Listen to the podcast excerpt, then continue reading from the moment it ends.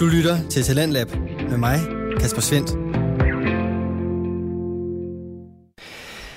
Meget, meget hjertelig velkommen her til aftenens program. Et uh, program på Radio 4, som præsenterer og udvikler på Danske Fritidspodcast. I aften der står den i særdeleshed på en præsentation af en fritidspodcast, men vi kan faktisk nå hele to. Og det kan vi, fordi vi først skal høre fra Frygteligt Fascinerende, og øh, det er Maria Kudal, som leverer et kort fortalt afsnit, de her små smagsprøver på hendes koncept, som du så senere kan udforske i dit eget podcast feed.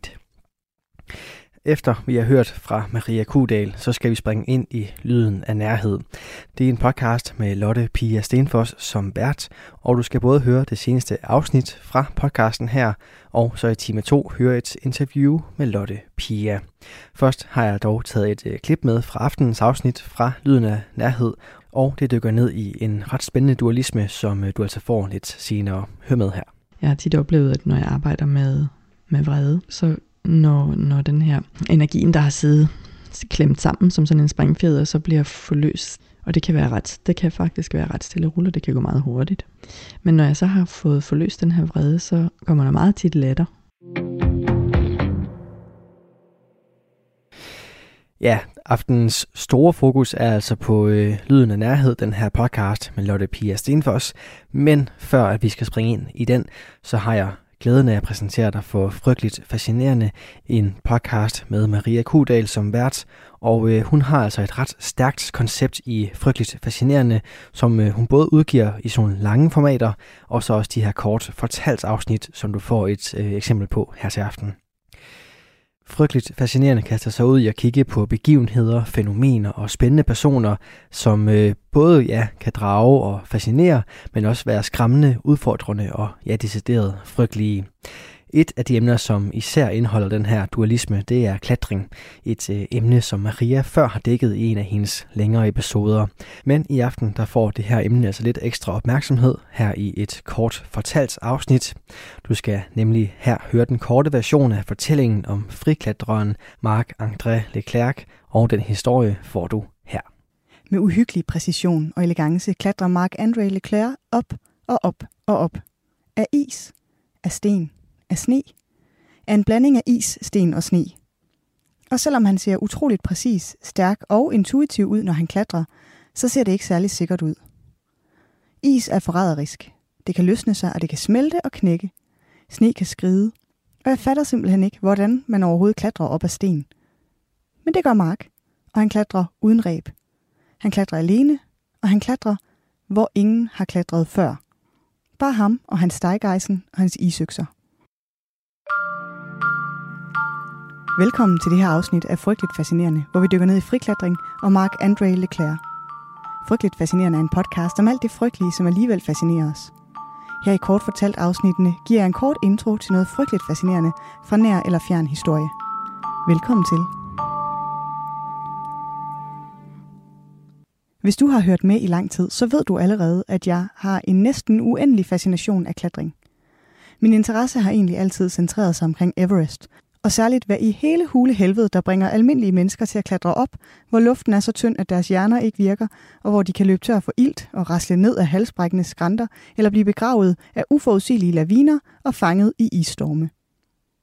Hvis det også lyder som noget, der kunne interessere dig, så har jeg faktisk allerede et afsnit om Everest-tragedien i 1996, som du kan lytte til, hvis du har lyst. Mark André Leclerc har taget den her fascination til et helt nyt niveau. For Mark, han klatrer uden ræb, og han klatrer solo. Og han gør det så godt, at selvom han kun er i starten af 20'erne, så har han allerede flere bestigninger, som ingen andre nogensinde har foretaget på sit CV.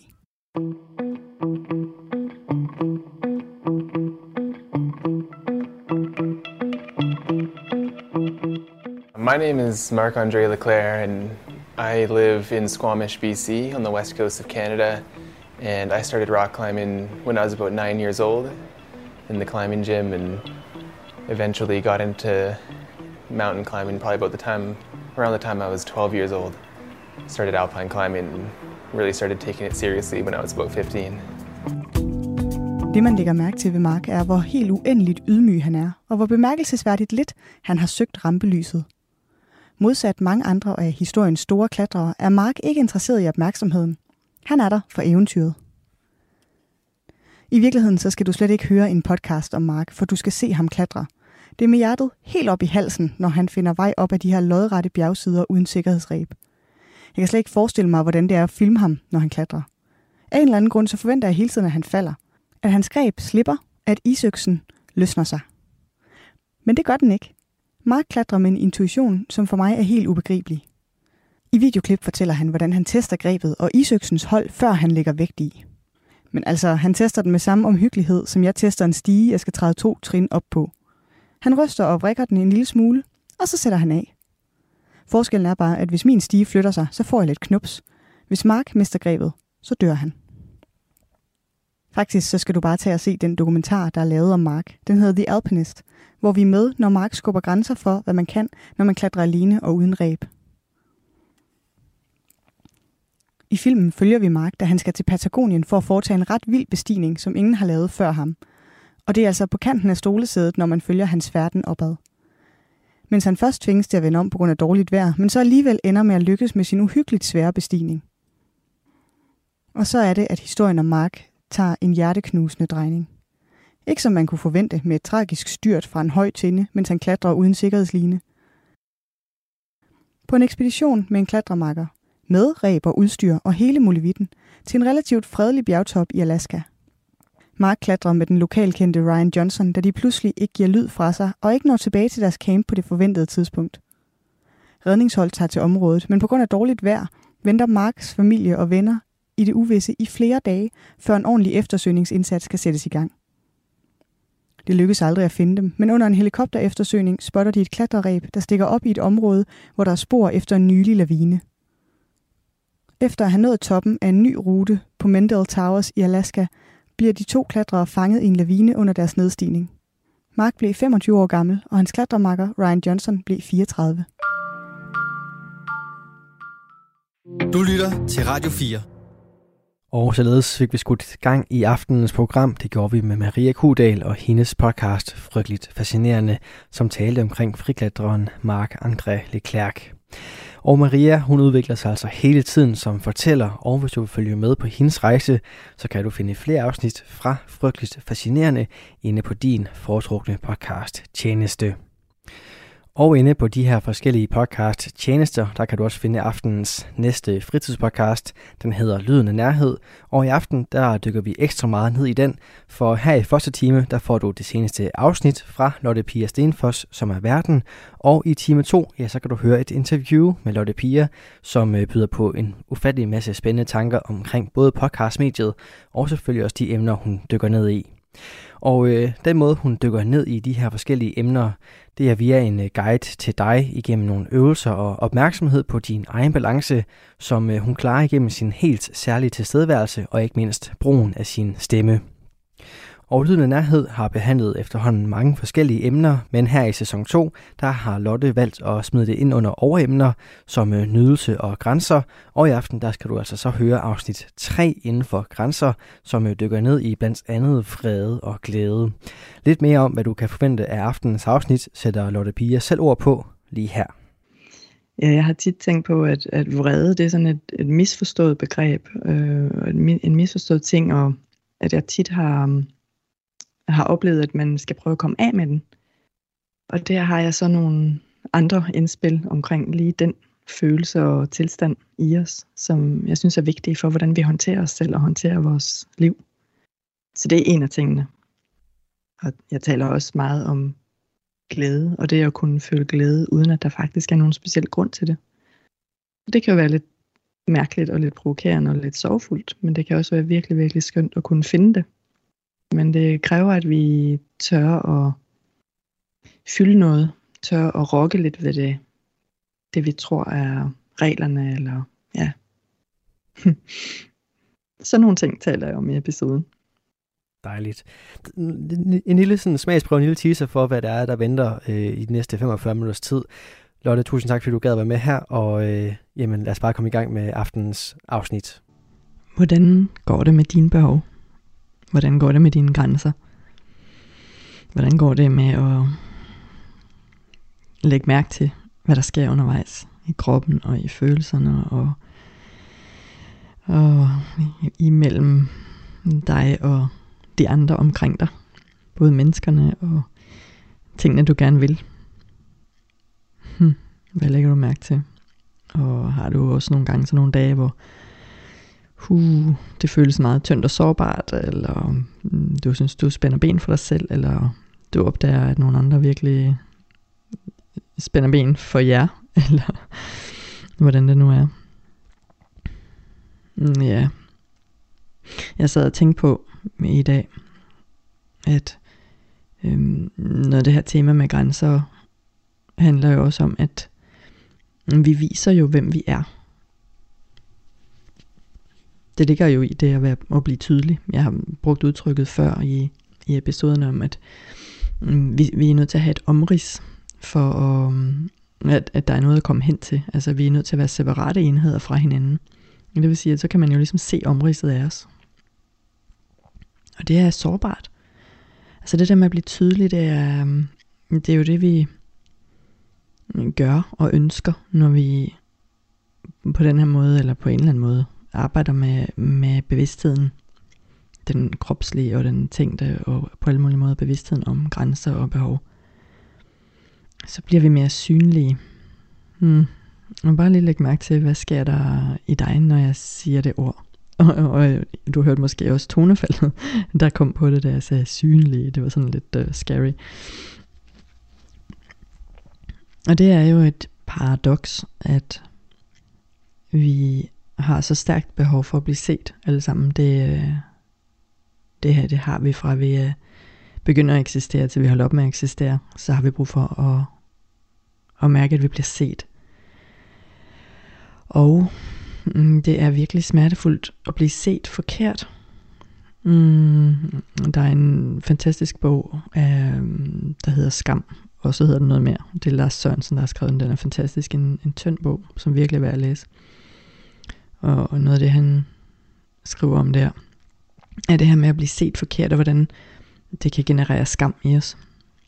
Mm. Så, så det vil sige, at der er to kræfter, som, som hiver i os, eller skubber i os, fra hver sin side, ikke også? At vi har brug for at blive set. Vi har så meget brug for at være synlige og mærke, at vi er det. Og det udsætter os for den risiko, at vi kan blive set forkert. Vi kan blive angrebet, altså mm, verbalt, vi kan blive sagt, at vi gør tingene forkert, at vi er forkert over for den anden, at vi er dårlige til et eller andet, vi kan blive grinet ad.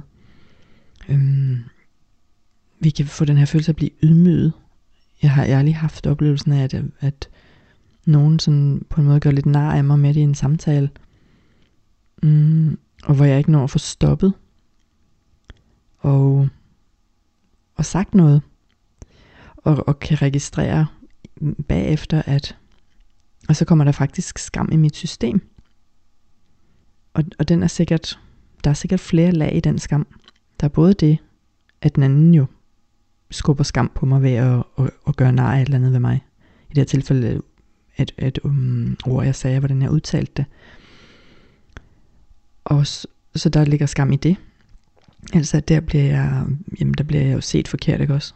Og så ligger der skam i det der med, at jeg ikke nåede at stoppe. Jeg nåede ikke at sætte den grænse, som, som er det et udtryk, man kan bruge. Jeg nåede ikke at fange det. Og så kommer der, så kommer der dobbelt skam på. Kender I, kender I den slags situation? Og jeg vil lige sige, hvad betyder det? Eller Mm, jeg nævner det og beskriver det, fordi at jeg synes, det er, um, det er en læremulighed. Eller en, øh, jeg kan ikke så godt lide det udtryk, det lyder sådan, som om man ligesom skal belæres, og det er slet ikke det. Men mm, det, det jeg mener er, mm, at jeg lærer mig selv bedre at kende, eller der kommer mere kontakt med dele af mig, som måske holder sig lidt gemt noget af tiden. Og så fordi de holder sig gemt, så går jeg jo glip af de ressourcer, der er der. Og det er netop de dele, som er bange for at blive skammet ud. Bange for at blive set forkert, fordi de har oplevet, hvor smertefuldt det er. Og mm, har været ret unge, når det er sket, og, og så ved de dele af min personlighed ikke, at jeg er voksen og, og meget tryggere nu, mm, end jeg var der. Det her, det er en lille bid af det, der hedder, mm, på engelsk hedder det parts, parts work. Og der, der er mange forskellige måder at gøre det på. En, jeg holder af det, der hedder Internal Family Systems, IFS, som er Richard Schwartz. Det er virkelig værd at sætte sig ind i. Mm, men de her dele, som så plejer at gemme sig for at undgå at mærke, at de skammer sig. De sidder jo og skammer sig alligevel.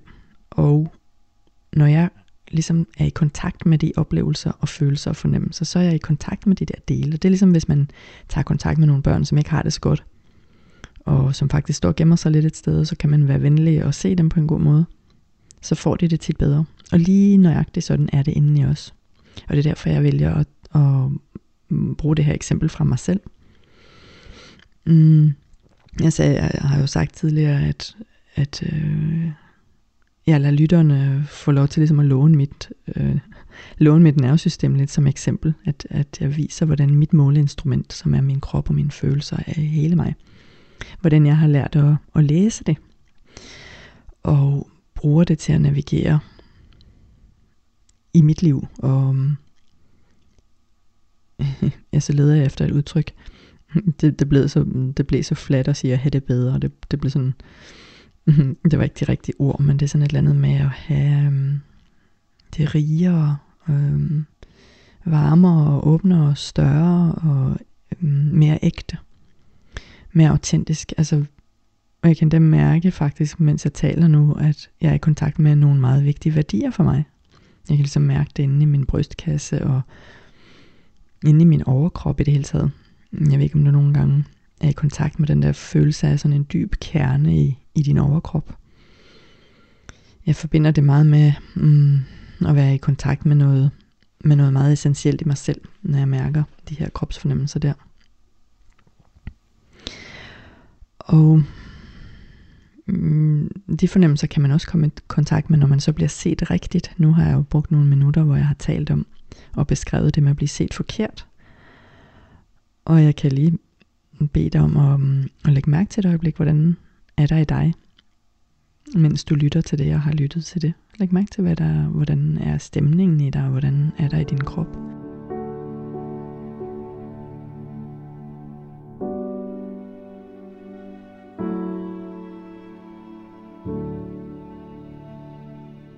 Fordi som jeg sikkert har sagt før, så, så farves vi af det vi hører også. Altså vi får en smag af de nervesystemtilstande, der bliver beskrevet for os, og især når, når de bliver beskrevet af en levende stemme, som jo så også har et nervesystem, der følger med.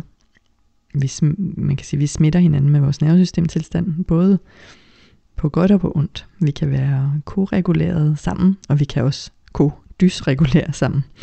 Det, øh, det har jeg oplevet i for eksempel skænderier, at øh, så bliver man trukket med af den andens nervesystem. Enten det er mit, der ryger udenfor, eller den anden, der ryger udenfor, så er det virkelig, virkelig nemt at blive trukket med, og så ja, det, det kan eskalere rigtig meget. Og det er en virkelig god idé i svære samtaler at prøve at have en fælles aftale om, at man prøver at lægge mærke til, hov, nu er der meget aktivitet, nu koger det i mit system. Øhm, jeg, skal lige, jeg skal lige pause lidt for at kunne, for at kunne øh, komme tilbage der, hvor jeg faktisk er i stand til at være i forbindelse. For kan I huske, at jeg har talt om, at vores nervesystem, vores autonome nervesystem, jo faktisk styrer, hvordan vi opfatter andre mennesker. Det er sådan helt konkret og fysisk i vores øjne og ører, for eksempel, hvordan vi opfatter menneskestemmer, hvordan vi ser ansigter, og hvordan vores ansigt i sig selv, hvordan det udtrykker ved hjælp af sine muskler, især musklerne omkring øjnene. Det læser vi med vores nervesystem ubevidst. Sådan at når vi er ureguleret, som jo lyder som om vi gør noget forkert, og det gør vi slet ikke, det er bare at vores nervesystem er i aktiv overlevelse, så får vi det, som de siger øh, på engelsk, flat face. Altså at, at ansigtsudtrykket faktisk virker mere flat, og det opleves som en trussel øhm, af andre. Ikke som en trussel om vold, men bare en, en trussel om bare en trussel om tab af kontakt, tab af relation. Og som I kan huske, så er behovet og, og drivet mod tilknytning og tilhørighed, det er et dybt, dybt og grundlæggende behov. Så det er meget stærkt i os. Og det vil så sende vores system ud i forskellige øhm, forsøg på at genoprette forbindelsen, eller på andre måder komme igennem det svære. Øh, hvis vi ser sådan et flat face, som vi altså får, når vi bliver dysreguleret. Ja, det var vist en lang afstikker, af to. Mm, men jeg synes, det er vigtigt, fordi mm, jeg ved, både af egen erfaring og, og den, jeg har set hos mange andre, og også ud fra, hvad vi jo ved om, hvordan vi fungerer biologisk, at netop, som jeg startede med, når vi begynder faktisk at rokke lidt ved båden, kan man sige. Vi begynder at tænke igennem, mm, hvordan er det, jeg udtrykker mine behov og mine grænser, hvordan er det, jeg mærker dem, hvordan, hvordan er jeg med dem i verden. Ja, så, bliver vi på en måde sårbare, og det kan faktisk være, øh, det her lyder jo som en virkelig dårlig reklame, men altså det kan faktisk, det kan faktisk være ret hårdt. Mm, jeg synes ikke, jeg vil sige, at det er hårdt på sådan en måde, som ikke er det værd. Altså det, men nogle gange så er ting, som er virkelig betydningsfulde for os, er jo, kan jo være lidt hårde.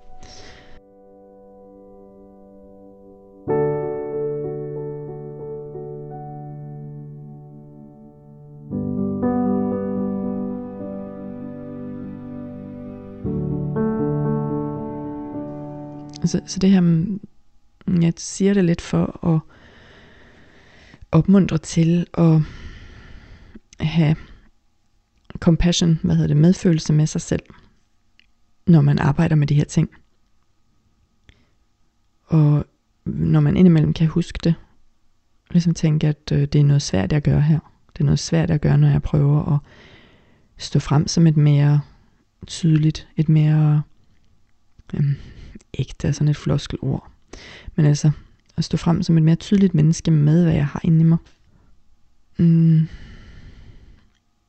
være lidt støttende over for sig selv og alle de her indre dele, som er bange for, hvad der så kommer til at ske, for det, det bliver de, når vi begynder at udfordre noget.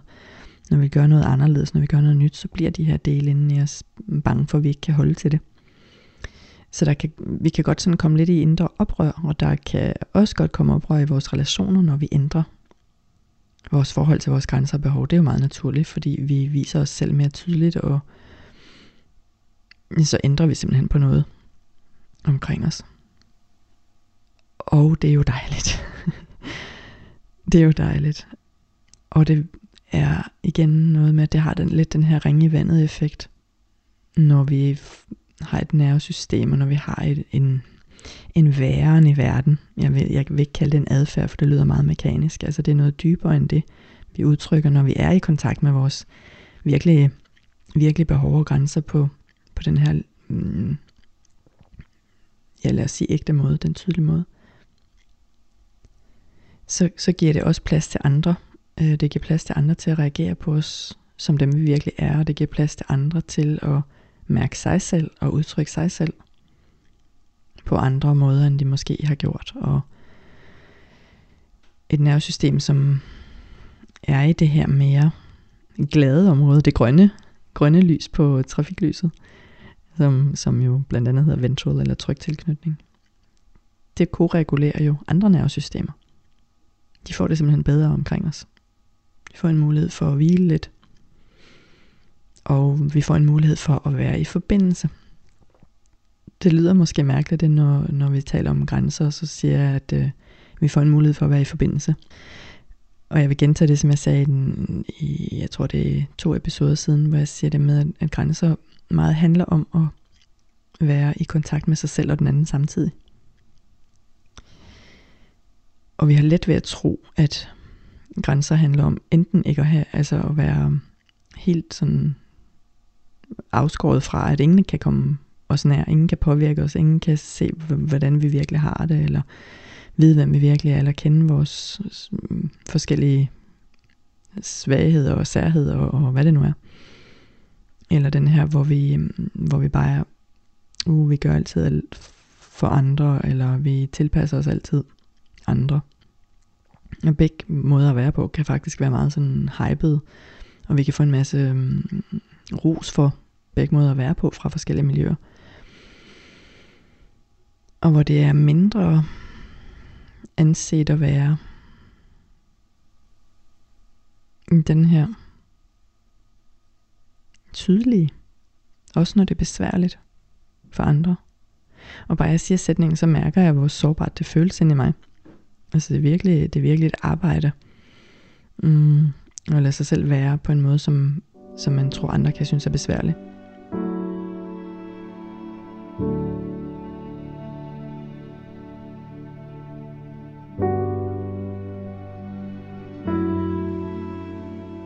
Jeg synes, jeg allerede har snakket længe, og var egentlig bare indledning, men jeg tror, jeg tror altså også, at det er, um, det er noget, som jeg synes var vigtigt at tænke lidt højt om.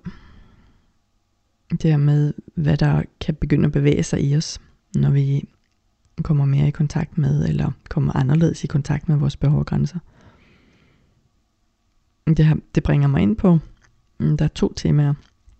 Og det ene handler faktisk om, i det jeg tænkte, at overskriften var glæde og vrede. Det var en af overskrifterne, jeg tænkte på. Så det bringer mig i kontakt med det her med vrede og vores forhold til vrede.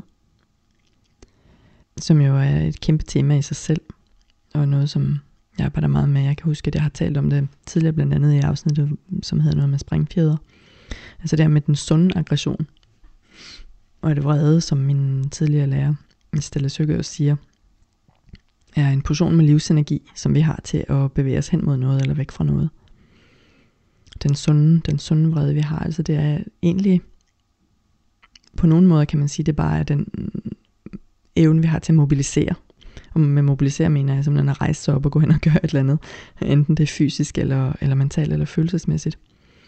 Og det her med at kunne mobilisere, det ligger jo i, i det mm, sympatiske nervesystem, altså sympatikus. Så når jeg snakker om at være aktiveret og i overlevelsesenergi opad, så er det sympatikus aktivering. Mm, og den er vi helt afhængige af for at gøre noget som helst faktisk, så vi skal have vi skal have sympatikus aktivering, og den skal bare ikke være skruet op til maksimalt volumen hele tiden, for så er vi i aktiv overlevelse. Og det slider på os. Og i den ende aspekter, så ligger øh, kamp- og flugtreaktionerne blandt andet. Og det kan man jo forbinde med vrede. Men jeg vil gerne lige komme med det der drøb omkring, at vrede er egentlig en energi, øhm, som vi har tilgængeligt til at gøre noget, vi gerne vil. Eller sige nej til noget, vi ikke vil. Og her kommer det jo, her kommer det med grænser og behov jo så ind. Og mm, bare som sådan en mini-ting lige nu, så, så vil jeg bare invitere dig til at lægge mærke til, hvad der sker i dig lige nu, når jeg taler om vrede. Mm, hvad lægger du mærke til i kroppen lige nu? Og mm, når jeg siger i kroppen, så mener jeg sådan i, i kropsfornemmelser, som den ene ting. Altså tyngde eller pres, eller anspændthed eller afslappethed. Prikken og citron og dieren og strømmen og boblen. Alle de her kropsfornemmelser. Hvad lægger du mærke til i kroppen, når jeg taler om vrede på den her måde? Hvad lægger du mærke til i din stemning, og sker der noget med tankerne? Enten at de falder til ro, eller at de bliver meget aktive. Kommer der følelser?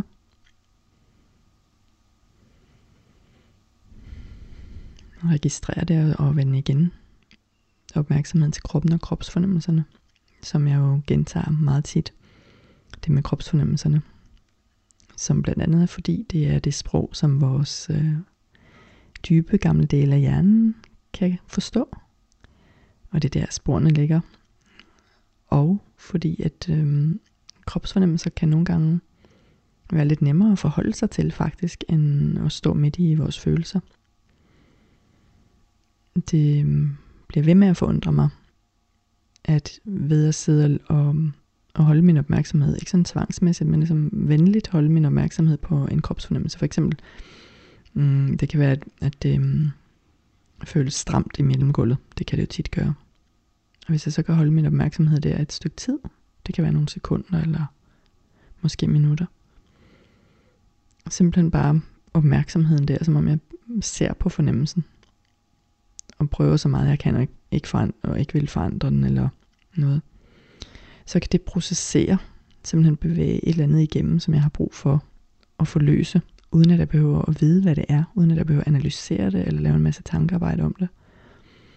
Simpelthen fordi det er jo det underbevidstes sprog, det gamle del af hjernens sprog af kropsfornemmelsen.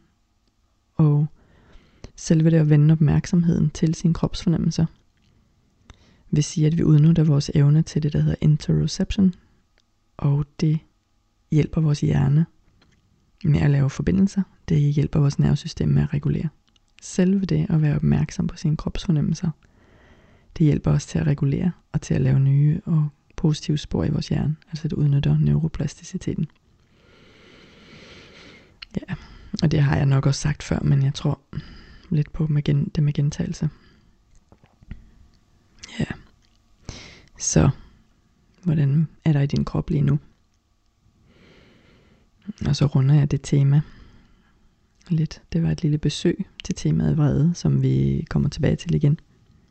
Du lytter til Talentlab med mig, Kasper Svendt. Vi er i gang med aftenens andet podcast afsnit her i Talent Lab, programmet på Radio 4, der giver dig mulighed for at høre nogle af Danmarks bedste fritidspodcast. Det er podcast, der deler nye stemmer, fortællinger og måske endda nye holdninger, og så er det alt sammen noget, som du kan dykke videre ned i på egen hånd. For alle podcast, som vi præsenterer her i programmet, kan du finde yderligere afsnit fra inde på din foretrukne podcast tjeneste. Det gælder også Lyden af Nærhed med Lotte Pia Stenfoss, som du i aften først får det seneste afsnit fra her i time 1, og så lidt senere i aften i time 2, der kan du høre mit interview med Lotte Pia omkring, hvordan hun kom i gang med at øh, begive sig ud i podcastmediet, og selvfølgelig også hendes tanker omkring de emner, hun dykker ned i. Men altså først her, anden og sidste del af aftenens afsnit fra Lyden af Nærhed. Og så sagde jeg glæde. Hvad har det så med hinanden at gøre? De ligger jo mange af vores øh, følelser og oplevelser ligger meget tæt på hinanden. Jeg har tit oplevet, at når jeg arbejder med, med vrede øh, i, mig, i mig selv, eller andre for den sags skyld, så når, når den her øh, energien, der har siddet klemt sammen som sådan en springfjeder, så bliver forløst stille, øh, stille og roligt, lyder som om det er sådan, altså det kan måske lyde lidt for stille og roligt, men det jeg mener er, at man forløser det portionsvis, så det ikke overvælder os. Og det kan være ret, det kan faktisk være ret stille og roligt, det kan gå meget hurtigt. Det kan være nogle sekunder, jeg arbejder med det. Men når jeg så har fået forløst den her vrede, så kommer der meget tit latter. Sådan virkelig en befrielse og en latter. Og en glæde. Og, og vores følelser er meget tæt vævet sammen. Så det har jo, det ved de fleste jo nok, at det har den der bieffekt, når vi undertrykker et sæt med følelser, så undertrykker vi altså sådan lidt dem alle sammen. Og det kan jo mm, give os problemer med, at vi bliver sådan, altså vi bliver flade i det på en måde, ikke? Altså vi har ikke tilgang til at have det, have det rigtig godt, og vi, mm, altså det ligger også i depressionslandskabet. Og, og selvfølgelig er der mange, mange trin på skalaen der, men tilgang til vores glæde, altså en, på en måde den glæde, jeg tænker på, er nok en, som er sådan en slags, jeg vil lige sige glæde uden grund. Det lyder måske mærkeligt. Jeg kan huske, at jeg tog øhm, mit uh, NIA, NIA White Belt Instructor kursus. NIA det er en, en, form, en træningsform egentlig, men den, den går dybere end det. Den, mm, den arbejder faktisk også med vores nervesystem. Det er en fed øh, træningsform. Det kan anbefales NIA. Men de taler om øhm, the body's joy, kroppens glæde. Og jeg kan huske, at da, da instruktøren sagde det i begyndelsen af den uge, jeg var der, jeg var i Finland, for at tage det her kursus, og jeg var fuldstændig på spanden. Øhm, jeg havde det så dårligt. Øh, jeg stod et meget, meget svært sted i mit liv på mange måder, og jeg var hundesyg. Jeg var ret nyopereret i, øh, i buhulen. Jeg har haft rigtig mange operationer. Og det var en af de store, jeg havde haft, og jeg havde det virkelig dårligt. Jeg jeg havde så mange smerter, jeg havde ondt, jeg var hævet, jeg havde taget en masse kilo på, jeg var på stærke mediciner. Altså, det hele var bare noget lort. Og jeg tog afsted på den her uge i Finland og tænkte, hvad fanden er det her gang i, som tager afsted? Øh, men jeg ville, og jeg var så glad for, at jeg gjorde det. Og så senere var jeg glad, eller efterhånden blev jeg glad for, at jeg gjorde det. Men jeg tager afsted, og instruktøren, som var meget sådan virkede totalt overskudsagtig. Jeg stod der og følte mig som sådan en lille fed klump, der bare var totalt mislykket og ikke kunne rokke med tæerne. Så siger det her smukke væsen, øh, at kroppen har sin egen joy, som ikke øh, behøver, altså den, den kommer bare fra kroppen. Og så tænkte jeg, ah, det er godt med dig. Det sidste min krop følte var joy. Og I kan selvfølgelig høre, at jeg leder op til at sige, at at jeg faktisk i løbet af den uge også oplevede netop det. Og flere gange. Jeg tror, og det her var inden jeg egentlig, det var, det var inden jeg havde lært om nervesystemet på den her måde. Altså jeg havde lært om det som dyrlæge, men, men det var noget helt andet. Mm, end, end det jeg har lært nu som senere. Men det tror jeg var mit første møde med det her med, at, at den kroppens tilstand, altså nervesystemets tilstand, den indstilling, som nervesystemet sætter vores krop til at være i, bestemmer, hvordan vi opfatter livet og os selv og hinanden. På engelsk så siger, jeg tror det er Deb Dana, der siger det, at state determines story. Tilstand bestemmer tolkning, vil være min oversættelse. Hvor jeg kunne være i den her virkelig, virkelig pressede situation. Jeg havde det virkelig, virkelig, virkelig dårligt. Og så var jeg på det her dansegulv sammen med de her mennesker, gjorde de her øvelser på forskellige måder, og oplevede de her glemt, hvor der var joy. Der var joy i, hvordan jeg bevægede anklerne, der var joy i, hvordan jeg lænede mig ind i musikken eller rytmen, i hvordan lyset var i rummet, eller det var simpelthen joy, uden at der var en speciel grund til det. Det synes jeg er et fantastisk eksempel på, at state determines story. At der var noget ved de her øvelser, som hjalp mit nervesystem til at sætte min krop i den gode tilstand, i, ja, det er forkert at sige god, for det lyder som om der er en moral i det, det er der slet ikke, men i den her tilstand, hvor det er dejligt at være, og hvor, man, hvor jeg har tilgang på mig selv, hvor vi har tilgang på os selv. Det grønne lys på trafiklyset, ventral eller tryktilknytning. Eller nogen siger inden for tolerancevinduet. Det er ikke et billede, jeg er så glad for, men så den, de her bevægelser, musikken, samværet, de forskellige faktorer, der var en del af det her, kunne simpelthen få min krop og mit nervesystem ind i den her gode tilstand. Den tilstand, hvor det var godt at være mig, på trods af alt lortet. Og jeg får lyst til at, at spørge dig som lytter, øh, hvilke ting i dit liv er det, som får dig ind i den tilstand? Hvor lægger du mærke til, at du tit ender med at, at simpelthen være på en måde glad, eller tilfreds, eller mm, det er nogle gange sådan en lidt ordløs tilstand, synes jeg. Fordi ikke sådan nødvendigvis lalleglad, men det er et eller andet med at have en eller anden fornemmelse af dyb kontakt med sig selv, tror jeg, og meget, mm, også meget til stede i øjeblikket. Jeg vil registrere det tit ved, at mine sanser opfanger meget præcist, hvad der er lige foran mig eller omkring mig. Det kan være enormt tilfredsstillende. Og det er jo blandt andet derfor, eller det er jo en af måderne øh, at hjælpe sit nervesystem, er jo den her objektive sansning, som jeg har brugt flere gange med at, at se på noget meget detaljeret. Bare sådan uden at man på en måde, man lader som om man ikke ved, hvad det er, og bare beskriver det i farver, form og så videre, eller hvor man bruger nogle af de andre sanser og lytter, eller lugter. Man kan lugte til sit tøj og lugter, man kan lugte skyllemiddel, hvis man bruger det, eller vaskemidlet simpelthen via sanserne her nu, kan man hjælpe kroppen at regulere. Og at når man er godt reguleret, så opdager man også tit, at, at ens sanser er ret øhm, skærpet på den her gode måde, som ikke er, er vogtende, men bare til stede. Så glæde, eller joy. Og hvad lægger du så mærke til i kroppen, når jeg taler om joy? Når jeg har talt om det her tema. Hvilke kropsfornemmelser er der i dig lige nu, når du hører det? Lige det her øjeblik, og hvilke stemninger kommer? Hvilke tanker? Er der tanker? Er der mange få? Er der impulser? Vil din krop gerne noget? Vil den gå væk? Vil den tættere på? Vil den hvile? Vil den... Hvad vil den? Hvilke impulser får du kontakt med? Det er jo en væsentlig del af det her med grænser og behov. Det er det med at få tilgang til vores naturlige impulser, vores biologiske impulser, sådan at vi kan mærke, hvad vi vil og ikke vil. Mm, helt fra vi er små babyer, så, så kan man sige, at vi på en måde lærer at, at begynde at overhøre vores egne impulser. Mm, for eksempel at, at kravle ned af, af puslebordet, ikke? Altså, det er et enkelt eksempel. Vi lærer at overhøre impulser, uden at det er fordi, der bliver gjort noget forkert ved os. Det er simpelthen bare fordi, øh, sådan er det. Altså, vi, ja, vi for eksempel får ikke lov at klatre ned ad puslebordet, eller vi, øh, vi får ikke slik hver gang vi vil have det, eller hvad det nu er, I ved. Mm, men det kan, det kan svinge for langt. Det, gør, det gør det tit. Altså at vi holder op med at kunne mærke, hvad er, hvad er det, min krop vil lige nu. Det kan virkelig give noget. Det kan give noget i vores beslutningstagen. Det kan give noget i vores relationer og vores relation til os selv. At vi kan mærke, hvad impulsen er.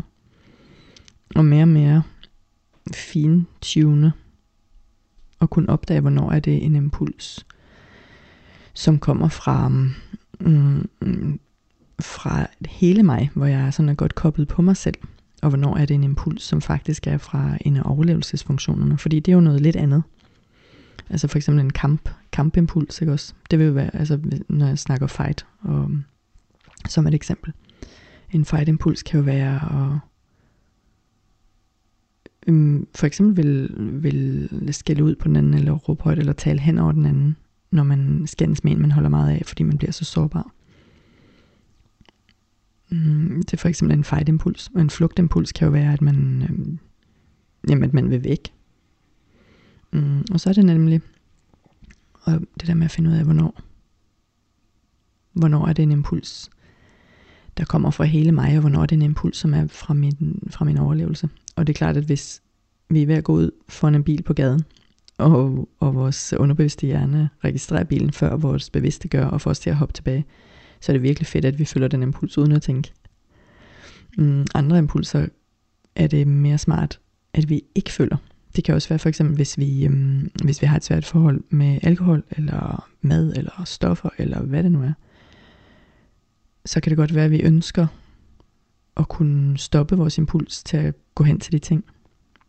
Mm, jeg forstår nok, hvad jeg mener, tænker jeg. Så det her med vores impulser, vores biologiske impulser, Og være i, kan man sige, interesseret kontakt med dem. At vi simpelthen har nok kontakt med dem til, at vi når at opdage dem. Fordi det er tit blevet automatiseret, at vi, at vi ikke når at opdage, at der er et eller andet, vi gerne vil. Det arbejder man jo meget med i, i de her forskellige behandlingsformer, som nogle af dem, som jeg er, er uddannet i også, altså hvor man arbejder med kroppens bevægelsesmønstre. Og rigtig mange af vores, vores minder og mm, hvem vi er, kan man sige, udtrykkes i, hvordan vi bevæger vores krop, hvordan vi holder den. Og det igen påvirker også nervesystemtilstanden. Altså, det er jo en del af vores interoception, den her sans for, hvordan vi har det i kroppen. Den er meget påvirket af faktisk positionen i kroppen. Så det er også en måde, man, man aktivt kan arbejde i terapi og i, i bare med sig selv. Der er en, der hedder Pat Ogden, som har lavet noget, der hedder Sensory Motor Psychotherapy. Hun taler meget om det her med positionen, og for eksempel det med at skubbe væk og række ud og sådan noget, øhm, som jeg tror, jeg har talt om før. Ja. En lille pause. Jeg har talt om glæde og vrede, og jeg har talt om impulser. Og vi startede med at tale noget om det her med, mm, der kan godt komme følelser og sårbarhed op, når vi bevæger os ind i det her landskab med grænser og behov, eller jeg vil næsten sige, det gør der. og der kommer altså også den her dejlige glæde, eller, eller mm, jamen det er sådan en følelse af, jeg elsker det der engelske ord, der hedder agency. Agency. Jeg ved ikke rigtig, hvordan man oversætter det. Det er en form for handlekraft, men det er ikke helt det. Det er mere sådan noget med, at jeg ejer mig selv, eller jeg kan, jeg kan agere i mit liv. Og den har jeg fået rigtig mange gode doser af i løbet af de her år, som jeg har arbejdet så aktivt med, og øh, ja, altså med, min, med mine levende grænser og behov, også, som er virkelig er et uh, ongoing work. Det er jo noget, jeg bliver ved med at arbejde med, og, og der er områder, hvor det er mm, meget udfordrende for mig stadigvæk. Men der er sandelig også mange områder, hvor de er begyndt at bare komme af sig selv. Altså der var en eller anden, der var en eller anden, der skrev noget til mig, en fremmed, som sendte mig en besked, jeg virkelig ikke ville have. Og for nogle år siden, så så tror jeg for det første, at den ville have forskrækket mig, og for det andet, så tror jeg, at den ville have, mm, altså jeg ville have brugt tid på at spekulere på, hvordan jeg skulle respondere. Men i det her tilfælde, så sad jeg med telefonen i hånden og var ved at skrive en anden besked. Og så poppede den der besked op, og jeg kunne, inden der var gået nogle sekunder, så havde jeg simpelthen sagt, eller skrevet, og uden at jeg sådan var aktiveret egentlig, bare sådan lidt tilpas aktiveret, tilpasset til situationen, at øh, fuld stop på den besked, den type besked, dem vil jeg ikke have. Dem holder du for dig selv. Og så var den sendt, og det var i løbet af sekunder. Og jeg kan, Mm, jeg kan godt huske, at fornemmelsen var virkelig god. Og det var ikke den her, um, det var ikke den her opjagede fornemmelse, som mange forbinder med, um, hvad kan man sige, øh, sejr eller belønning, eller at have det godt. Vi kan, vi kan være meget vendet til den her form for adrenalin, øh, glæde, som er sådan lidt javset, hvor vi ikke helt er, er til stede den der kerne, måske midt i kroppen. Ikke? Det var virkelig den her rolige glæde. Rolig som i, at øh, jeg behøvede ikke anstrenge mig. Mm. Det var fedt. Altså, jeg oplever det tit, at, at mit system bare fortæller mig, hvad jeg gerne vil og ikke vil. Det, det er en del af belønningen. Og jeg oplever, at det, det betyder selvfølgelig en hel masse for, hvad jeg tillader mig selv at gøre med mit liv, og det betyder en hel masse for relationer. Det med at stå tydeligere frem og tydeligere udtryk, at jeg gerne vil nogen for eksempel, det, det er der faktisk øh, mennesker omkring mig, som, som er blevet glade for. der er enkelte, som synes, at det har været rigtig fint, at jeg, at jeg tydeligere siger, at jeg gerne vil dem. Og det tror jeg, mm, mange vil kunne genkende i sit eget liv også. Så mm, jeg synes, det er det værd. Uden at jeg skal prøve at overbevise dig til noget som helst. Jeg er virkelig ikke ude efter at fikse nogen. Det kan jeg love. Det kan jeg sige med sikkerhed. Ja, yeah. jamen jeg havde jo tænkt at sige noget om jeg havde faktisk tænkt mig at begynde at bevæge mig ind på nøgenhedsgrænser og intimitetsgrænser. Og man kan sige, at det har jeg også gjort en lille smule faktisk. Ja, nu skal jeg lige tænke, hvordan jeg vil bevæge mig derhen. Det jeg tænkte, jeg ville sige noget om, var nemlig, at mm, som en del af det med at begynde at, at, at lære sig selv mere at kende, eller kunne betragte sig selv mere på det her område med grænser og behov, så kan man så kan man øhm, på en måde dele grænser og behov ind i sådan nogle forskellige kategorier. Og det er ikke fordi, de egentlig er adskilte, men det er med for at give noget navn til noget, så man kan genkende det. Og med, hvad mener jeg nu med det? Det lyder lidt indviklet, men det jeg mener er for eksempel, at jeg, at jeg taler om nøgenhedsgrænse, taler om intimitetsgrænse, taler om lydgrænse, taler om lysgrænse, mm, temperaturgrænse, og så videre. Giver det mening? Det er simpelthen for at have et sprog for, hvad der foregår i os. Sådan at jeg kan lægge mærke til, mm, hov, nu er min temperaturgrænse udfordret, hvis jeg fryser, ikke også, eller har det for varmt. Men også, at det kan virkelig hjælpe for at kunne kommunikere tydeligere, at jeg kan blive klar over, hvor min intimitetsgrænse er påvirket nu. Det kan jo være så enkelt som, at nogen kommer til at stå for tæt på, når man er i metroen eller toget, fordi der er mange mennesker med. Så kan man måske mærke, at de er for tæt på. Det er simpelthen vores intimitetsgrænse i spil til den ene side. Fordi grænsen har også den anden ende, der hvor der er for lidt intimitet. Og det kan man jo udforske i sine relationer. Hvordan er, hvordan er det, hvis den anden ligesom er lidt for langt væk? Bare når man sidder ved siden af hinanden i sofaen, eller hvad det nu er. Det er stadigvæk intimitetsgrænsen, der er i spil. Det er bare i den anden ende af skalaen. Giver det mening? Så der kan være for lidt af noget, og der kan være for meget af noget. Og så er lejen og udforskningen er jo simpelthen der med at undersøge, hvad kunne jeg godt tænke mig lige nu? Hvad vil jeg gerne justere lige nu? Eller er det helt perfekt? For eksempel med intimitet. Hvis der er nogen, man gerne vil have en større grad af intimitet med, ja, hvad er det så, der giver den her følelse af intimitet i lige den relation? Er det noget med øjenkontakten? Er det noget med, hvilke ting man taler om? Er det noget med, hvordan man tilbringer tid sammen? Er det, og selvfølgelig sådan helt fysisk, hvordan man er tæt på hinanden fysisk? Og så videre.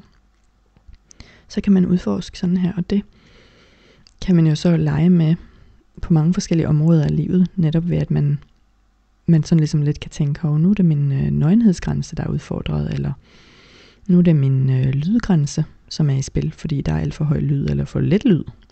Eller nu er det min, øh, ja lige pludselig kan jeg ikke komme i tanke om nogen, men I kan lige hjælpe mig med at tænke lidt højt. Og så skal jeg nok komme med mange flere eksempler efterhånden. Og, og på samme måde som når jeg nu lister grænser op og taler for eksempel om intimitet og sådan noget, så kan jeg også godt høre, at, at det er det, som jeg har sagt før, at grænser og behov er to sider af det samme sag, eller på en måde er det det samme, fordi vi har også det behov. Vi har behov for intimitet, og vi har behov for ikke at have intimitet, når det er det, der er. Men man kan også øhm, undersøge sådan mere rent på behovssiden, hvilke behov der er i spil, og det talte jeg jo om i forrige episode, hvor jeg snakkede om det i den, jeg vil have den der. Mm, men jeg lægge mærke til, hvilke kategorier af behov man har, og undersøge, hvad der så, hvad man har brug for at justere. Og de kan være, de kan være sådan mere komplekse. Det kan være altså også behov for forskellige ting i relationer, øhm, eller ud af relationer. Det kan være behov for at have det sjovt, eller føle mening og spænding og sådan noget. Det talte jeg om sidste gang. Mm. Og der har man, så der har man også både grænser og behov på sådan nogle mere komplekse, sammensatte ting. Men det med intimitetsgrænse, jeg tror, jeg tror det bliver den, ja, sådan lader være, være den, der har været nævnt, nævnt lidt i dag. Jeg kan jo invitere til, hvis du har lyst til at, at tænke over det med, hvordan har din intimitetsgrænse der, hvordan har dit intimitetsbehov det i forskellige situationer, og hvordan kan du justere noget, sådan at den kommer mere til den der, ah, nu føles det rigtigt. For det er den fornemmelse, ah, nu føles det rigtigt. Og det kan så være, um, altså, ah, det føles rigtigt, det kan være alt fra sådan, ja, det var fint, til, til noget helt fantastisk, ikke også? Men altså, det er ligesom, som om øh, det er sådan en sliding scale, og så kommer, så kommer knappen til lige det rigtige sted. Det er det der R. Et eksempel, som jeg har, mm, som jeg kender fra mig selv, og som jeg også kan huske en deltager på en workshop engang, havde et aha-moment med, var, at i nogle øh, sammenhæng på, på vedkommendes arbejde, så var der nogle nogle kollegaer, som personen ikke havde det så godt med at have tæt på sig. Og det var ikke fordi, der skete noget forkert eller noget, det var simpelthen bare, at, at sådan havde vedkommendes krop det, at lige de og de personer skulle ikke for tæt på, og det kunne nogle gange være et problem, som kunne være virkelig sådan distraherende og forstyrrende, for eksempel til møder. Og så talte vi om, mm, hvordan kan man lade kroppen få lov til at justere lidt, sådan at den får det lidt bedre i lige den situation, og så foreslår jeg det med for eksempel at vende sig lidt, altså at man vender siden lidt til, i stedet for Mm, eller altså vender sådan mere ryggen til, uden at man helt sætter sig med ryggen til. Og nogle gange er det ikke så meget justering, der skal til, for at kroppen føler, at den har fået mere valgmulighed. Men det kan jeg huske, at jeg talte om før, at nervesystemet har brug for at have valgmuligheder, for at føle sig trygt. Og når man arbejder på skærm, så kan det være, at man tillader sig at se lidt væk, eller drejer sig en lille smule med siden til, og så lægge mærke til, hvad der sker i kroppen. Det kan være at have telefonrøret længere væk, eller for mig gør det en forskel, om jeg bruger headset i stedet for at holde telefonen op til øret, eller afstanden til skærmen, hvis jeg taler med nogen. Skal den tættere på eller længere væk? Øh, altså det kan være ret subtile ting, man gør som justeringer, som kan hjælpe vores krop til at få sådan lidt mere breathing space i forhold til, når vores intimitetsgrænse er påvirket på den måde, at nogen er for tæt på. Og det er ikke fordi, de gør noget forkert, eller vi gør noget forkert. Det er simpelthen bare fordi, sådan har vores krop det. Og som I kan høre, der kommer den der mm, selvempati igen lidt ind, ikke også? At at det egentlig ikke, der ligger ligesom ikke moral i, at det er forkert eller rigtigt, det er mere bare sådan har kroppen det med det. Og hvis vi kan justere noget, som lindrer, så får vi det bedre og fungerer på en måde bedre. Ja, og nu slår jeg lige bordet. Nu kan jeg mærke, at jeg er tør i halsen, og mit behov det er at drikke noget te. Og øhm, begynde at redigere den her episode, så jeg kan få noget til jer.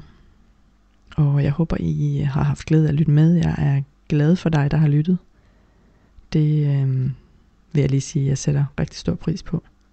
Jeg hører gerne fra dig, der lytter, hvis du har lyst til at fortælle mig noget. Der er en Instagram-konto, der hedder Lyden af Nærhed. Der kan man skrive til mig. Og jeg kommer også med min e-mail her til sidst.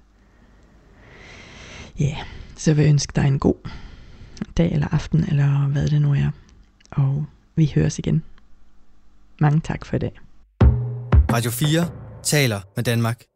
Og her fik du således enden på aftenens afsnit fra Lyden af Nærhed, en podcast, som vi dykker videre ned i i næste time, for der skal du høre mit interview med Lotte Pia Stenfoss, som altså er verden bag Lyden af Nærhed. Og udover den podcast, så kunne jeg i denne time også præsentere dig for Frygteligt Fascinerende, en podcast lavet af Maria Kudal. Mit navn er Kasper Svens, og jeg står altså klar med det her interview med Lotte Pia Stenfoss på den anden side af dagens sidste nyheder, som kommer din vej lige her.